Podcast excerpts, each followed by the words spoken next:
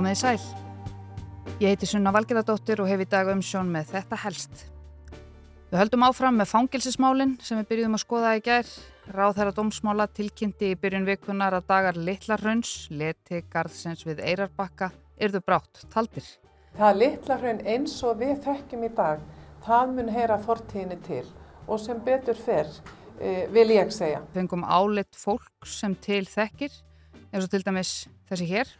Á dögum eins og í gær þegar þetta var tilkynnt þá áttar maður sig á að öll þessi vinna sem við hjá afstöðu höfum verið að vinna í, ja, þetta er að borga sig og, og maður verið gladur með það. Stundum er þetta svolítið svona eins og að berja hausin í vegg þegar maður er að vinna í þessu fangilsmálum. Þetta er, hrikalega erfið stundum og, og hlutinni verið að spreytast óbáslega hægt en, en svo sér maður svona daga þar sem allir hafa verið að leggja stóð eitt og, og hrikalega breytingar nást í gegn og við teljum að þetta sé núna mjög, mjög jákvægt sem er að gerast. Þetta er Guðmundur Ingi Þórótsson, hann er formaður afstöðu félagsfanga. Hann er kátur með áformin á Littlarhraunni. Þessi hérna er líka kátur. Þegar það stóð til að breyta Littlarhraunni þá var talað um að taka turnin niður. Og hvers vegna? Jú, vegna þess að hann var ásýnd svona gamalla tíma. Nafnið á fangilsinu er eh, í mínum enn frekar eh, svona áminning um gamla tíma. Fólk talar um að fara á hraunnið. Það sé bara að vesta sem fyrir það geti komið. Þetta er Páll Vingel, fangilsismálastjóri við ætlum bara ekki að hafa neitt hraun lengur. Við ætlum bara að byggja nýtt fangilsi og það mun heiti eitthvað annað og, og ætla að er ekki einhver hugmyndasangjarnu það á einhverjum tíanbúndi. Það hefur verið fjallað mikið um litla hraun í gegnum tíðina, eðlilega. Það hafa meira sig að verið gerðar heilar þáttarserjur um það. Það voru svo mikið margi menn sem voru þetta fyrstu árið. Þetta voru 10-20 kallar og Flestir voru svona uh, rónarbæðarins, svo kallaðir, bruggarar og, og svona smáglepa menn. Því að, og raun og mjög merkilegt, merkilegt sko að margir þeirra sem fengur dóm hér áður fyrir, þeir fóru ekkert í fangilsi. Meðan þetta var bara skúfað í ráðnættinu sko, þá var bara, og allt samband sem dögðu. En það fangir síð, þetta á hrauninu, tók þegar sko mest þá til að var byggt við það 60, þá tók það svona 28 menn. Var sjálfnæst alveg fullt. Þannig að framanna voru þetta mest rónar og geðveikir? Já, þetta voru uh, rónar og, og geðveikir menn þarna, margir sem bara ílendust og, og, um, og svona smáklepa menn sko sem, sem hérna voru að stela sér til viðværi. Þetta var smávegis brotur letigarði Helga Seljan sem var á Rúf 2016. En þessi þáttur hérna, hann fjallar ekki um letigarðin Littlarhaun. Guðrún Hafsteinsdóttir dómsmálar á þeirra tilkynnti nefnilega ekki bara 7 miljardar og 5 eða 6 ára uppbyggingu á Littlarhaunni á bladamannafundunum á mánudag. Herri, komið í heil og sæl og verðum hjartalega velkomin hér að Littlarhraunni. Uh, ég hef ákveðið að bóða ykkur hér til fundar til að tilkynna ykkur uh, stórtækar umbættur í fangilsismálum á Íslandi með uppbyggingu á nýju fangelsi hér á Littlarhraunni. Einnig verður fjölga nýjum rýmum í fangilsun á Sokni. Þar eru verða tekin í nótkunn ný 14 rými en þar eru fyrir í dag 21 rými. Þetta mun gerast á næstu mánuðum og nefnur kostnaði þá uppbyggingu um 350 miljónir krónar. Með þessu erum við meðal annars að bregðast við ábyrgingum frá umbósmanni Alþingis frá því í júli í sumar um stöðu kvenna í fangelsum. Það sem kom fram að staða þeirra veri lakari en staða karla. Með breytingum á sogni er verið að bæta stöðu kvenna í fangelsum og auka möguleika þeirra á að taka út vistun sína í viðegandi aðstæðu. Þarna myndist Guðrún á álit umbóðsmanns alþingis síðan í fyrra og að með þessu sé verið að bregðast við því sem er gott vegna þess að álitið var alveg svo litið svakalegt. Það er sérstök staða núna í íslensku samfélagi að við höfum aldrei verið með jafnmargar konur í fangelsi eins og núna og meiri hluti þeirra er á Holmsheiði Við erum núna, og ég kynnti það í morgun, að við erum núna að hefja líka uppbyggingu þar, þar sem við ætlum að fjölga opnum úrræðum á sogni um 14 og ég gerir ráð fyrir Fyrir ári síðan, rúmu, voru tíu konur inni í fangilsinu á Holmsheiði og hlutfall hvenn fanga í landinu hefur farið hækkandi undan farin ár. Það var yfirleitt í kringum 5% en er nú komið um og yfir 11%. Og umbóðsmaður skilaði áliti og við skulum aðeins rifja upp hvað hann sagði um stöðu hvenna í fangilsum landsins með því að draga fram bút úr helst þætti um einmitt það sem fór í loftið í september í fyrra. Það er erfitt að vera kona í fangelsi á Íslandi, sagði Sigurður Örn Hektorsson, geðlæknir og yfirlæknir geðheilbriðisteimis fangelsana í viðtali við læknablaði fyrir skemstu. Hann segir að konunum sé mörgum mikið áfall að vera ripnar frá börnum sínum og fjölskyldu og því sé ótækt að þær hafi ekki aðgang að opnu fangelsi í sama mæli og karlar. Sigurður segir erfitt fyrir konur að komast í opin úræði og því þurfi að breyta. Tíu konur afplána nú í fangelsinu á Holmseiði sem er eiginlega eina fangelsi fyrir konur á Íslandi. Þær geta þó komist í úrræði á sogni ef hefnin er með þeim en plásinn þar eru ekki mörg. En þær komast ekki að á kvíabryggjum sem er í raun besta, svona innan gæsalappa, fangelsið á Íslandi.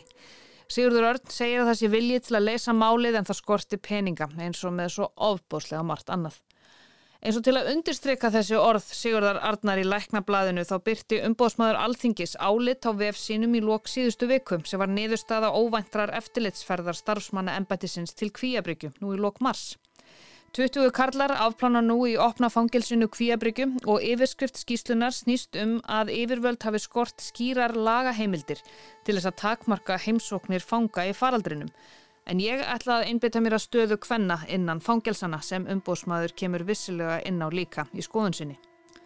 Í skýslunni kemur fram að konum býðst ekki vist á kvíabryggju þar sem húsnæði telst ekki hendugt til þess að hýsa kynin saman, engum með tilliti til öryggis og aðstæðina kvenn fanga.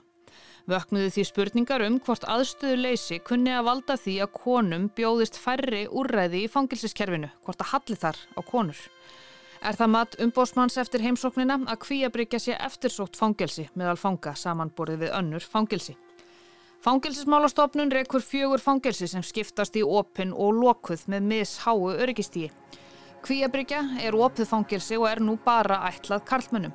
Í opnum fangelsum er minna eftirlit með föngum og meira frjálsræði en í lokuðum fangelsum. Að því leiðir að fangar sem afplána þar þurfa almennt að uppfylla ákveðin skilirði og undirgangast reglur sem gilda um slíka afplánun. Meðal dvalartími í fangelsinu Kvíabryggju á árstímabili sem umbósmaður skoðaði fyrir heimsóknina var um fimm mánuðir. Í skýrslu umbósmanns segir að fangar þar séu almennt ánæðir með aðbúnað á svæðinu en við haldir löngu orðið tímabært. Af heimsókninni mátti hins vegar ráða að mati umbósmanns alþingis að kvíabryggja sé eftirsóknarverður við stunarstæður. Í því sambandi hefur verið bent á að öll rými eru sameinleg og frjálsræði mikill. Það gæti því reynst erfitt að gæta sjónarmiða sem eiga við um aðstæður kvenna í fangelsum og þar með tryggja þeim fullnægjandi vernd í vistuninni. Fangelsisogni er því eina opna úrræðið fyrir konur en mikill meiri hluti fanga er kallkins og refsi fullnustu kerfið, fangelsiskerfið, er að miklu leiti mótað með það í huga. Umbósmaður víkur að því ítrekkaði skýrslusinni að það gæti verið tilefni til þess að skoða þetta sérstaklega, hvort að séu í raun betri úrræði í bóði fyrir karlaheldur en konur þegar kemur að fangelsum eins og til dæmis á kvíabryggju þar sem andrumslofti verðist alla jafna vera afslappara heldur en gengur og gerist í fangelsum og vekur þetta upp spurningar um bósmanns hvort þetta aðstöðu leysi valdi því að konum bjóðist almennt ekki að afplána dómsinn í eftirsóttum úrræðum. Pál Vinkel fangelsismálastjóri saði í viðtali við Ott Þórðarsson fréttamannum helgina að það væri aðkallandi að konur kæmust í fleiri úrræði innan fangelsistofnanana. Hann segist sammála umbósmanni alþingi sem um að mögulega þurfi að skoða hvort halli á konur í kerfinu en allt saman snýst þetta jú um peninga og það er margt aðkallandi. En fyrir rúmum sjö árum síðan, veturinn 2015, var frétt á rúf um konur og fangelsi. Fyrirsögnin, ekkert fangelsi fyrir konur.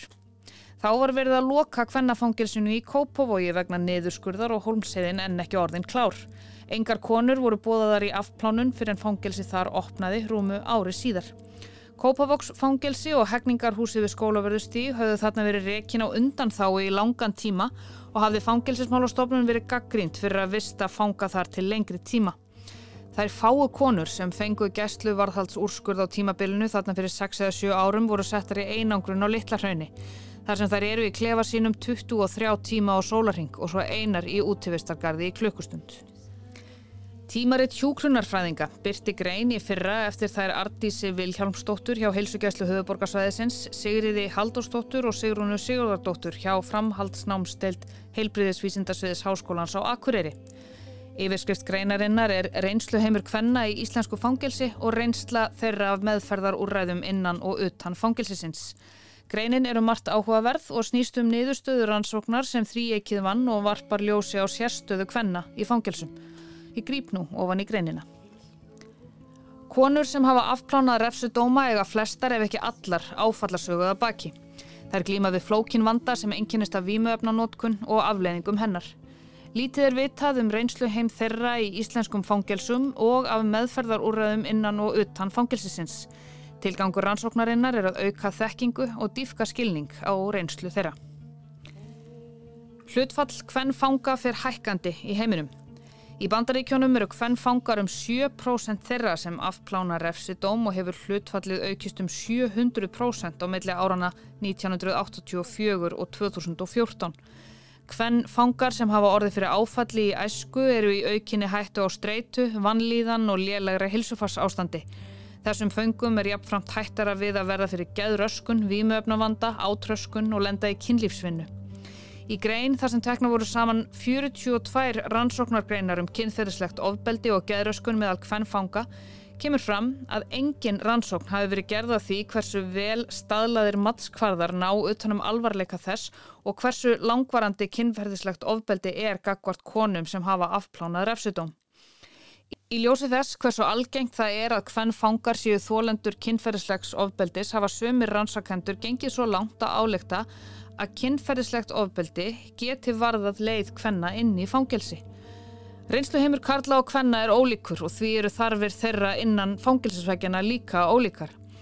Það er því mikilvægt að litið sér heildrænt á þarfir hvenn fanga og að konur í afplánun fái meðferði vímuefnavanda sínum og tækifæri til þess að vinna úr fyrri áföllum. Höfundarskíslunar fundu enga íslenska rannsókn um reynslu hvenn fanga af meðferðarúræðum innan og utan fangelsisins. Kvennföngum hefur ekki verið gefin mikill gaumur og samræmist þar rannsóknum erlendis frá. Fáar rannsóknargreinar eru til um sértaka meðferð fyrir konur í fangelsum og beinast rannsóknir þær fáur sem til eru yðurlega að karlföngum eða blönduðum hópum. Konurnar í rannsókninni sem voru nýju höfðu allar leitað sér aðstóðar vegna vímuöfnavanda fyrir afplánun. Þar höfðu leitaði flest meðferðarúræði sem í bóði voru hér á landi og höfðu einnig leitað sér vímuöfna meðferðar erlendis. Flestar konurnar notu vímuefni í æð og glemdu við heilsufarsvanda því tengdan. Konurnar höfðu flestar orði fyrir einhvers konar áföllum í æsku eða á fullorðinsárum og var vímuefna neyslan einhvers konar bjargráð til þess að flýja eða lifa af erfiðar aðstæður. Svona var staðan í fyrra og dómsmólar á þeirra er nú að stíga skref til þess að bregðast við þessari stöðu sem er vel. Já, hún kemur mjög stærst inn, hún Guðrún, og, og verðist alltaf breyta fljótt. Við hafum verið uh, að mótmæla þessum áformum um, um uh, að endur, að, að breyta þarna vittlarinni og höfðum verið á öllum fundur sem við höfum átt, þá höfum við verið að kveitja til að það er falli frá því og, og byggt bara nýtt eða, eða litlarinn minkað og, og opnum, opnum úr aðeim fjölgar, fjölgað sem er svona kannski það raugrétta í fangilsmálunum í dag. Af því að, að við veitum það að þeir sem fara í gegnum opinn úræði þeir eru ólíklegri til að fara aftur inn í fangilsi. En í, í, í þessum, þessum hugmyndum að þá á að fjölga opnum úræðum líka sem að er mjög ánægilegt. Opnurinn með því að fjölga upp á sogni að þeim tíma loknum fyrir svo á áfangaheiminu og líka svo aflunum heimaður. Þetta er stíkskipt aflunum sem skiptir máli. Eh, þessi hugmyndafræði, betrunar og endurhæfingar og öryggis er hugmyndafræðin sem verður lögð til grundvallari í hönnun, bygging og rekstri þessa nýja fangilsis sem að nú frýs innan fara ára. Gríðarlega stort skref fyrir okkur. Það var svo eitt til viðbúttar sem var tilkynnt á fundinum á hrauninu. Það voru breytingar bóðaðar. Aðal breytingin sem var tilkynnt og kannski minnst talaði um að, og er ódýrasta breytingin en á eftir að skila mestu, það er sem sagt heildar endur skoðun um lögu fullumstu refsinga. Samviða þessum umbótum á innviðum í fangilsiskerfinu verður farið í endurskoðun fullnustu laga með áherslu á betrun og nútímalega nálgun. Þá er umrætt endurskoðun tímabær í ljósi reynslu síðustu ára og aðfyrsna eftirlitsstofnana þingsins og alþjóðlega eftirlitsstofnana. Það er eitthvað sem við erum búin að býða eftir og þrýsta á ansi mörg ár. Og með því ger ég ráð fyrir að það sé verið að falla frá uh, íslensku refsi stefnunni og, og taka upp endurhæfingarstefnu. Ástandið á litlarunni núna eh, er verra heldur en það var fyrir til að mynda 10 árum eða, eða 20 árum. Við erum sem betur fyrir að, þróa fullnustu refsinga þannig að stór hluti hópsins eh, kemur ekki fangilslengur fyrir samfélagsstjónustu. En þetta allt saman er svo bara efni í enn annan þátt. Ég heiti Sunna Valgeradóttir og bóðaðar umbætur fyrir konur í fangilsi voru helst í dag. Takk fyrir að leggja við hlustir og við heyrumst aftur á morgun.